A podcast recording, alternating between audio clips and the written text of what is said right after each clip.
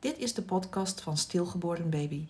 Ik ben Desiree van Nieuwenhoven, moeder van twee prachtige, stilgeboren jongens Tom en Tim.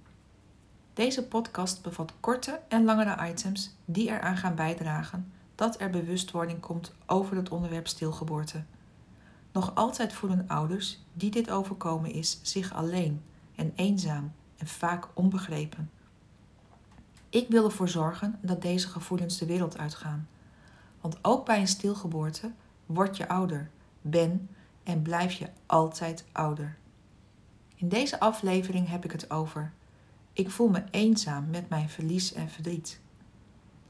In een wereld waar iedereen het maar druk heeft, waar agenda's uitpuilen, wordt de afstand groot tussen de mensen die lekker in het leven staan en diegenen die te maken hebben met intens verdriet als ze bijvoorbeeld een stilgeboorte of miskraam hebben meegemaakt.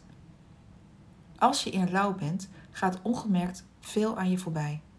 Wat er allemaal in de wereld gebeurt, interesseert je op dat moment eigenlijk niet. Er zijn andere dingen die je bezighouden. Moeders, ouders die hiermee te maken krijgen, leven vaak in een roes waarbij verdriet overheerst. De rollercoaster aan emoties is vaak overweldigend.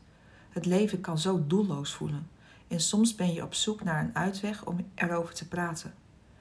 Een kindje dat zo gewenst was, is er plotseling niet meer. Het lijkt alsof je de hoofdrol speelt in de ergste horrorfilm. Jouw omgeving heeft hun leven, dat van jou staat stil. Je wilt je leven wel weer oppakken, maar de emoties zitten je in de weg. Een mengeling van verdriet en eenzaamheid zorgt ervoor dat je verdoofd in het leven staat.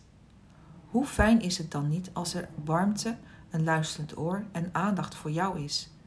Niet alleen na het verlies, maar ook voor een langere periode. Eigenlijk mag de aandacht voor deze emotionele gebeurtenis blijven blijven.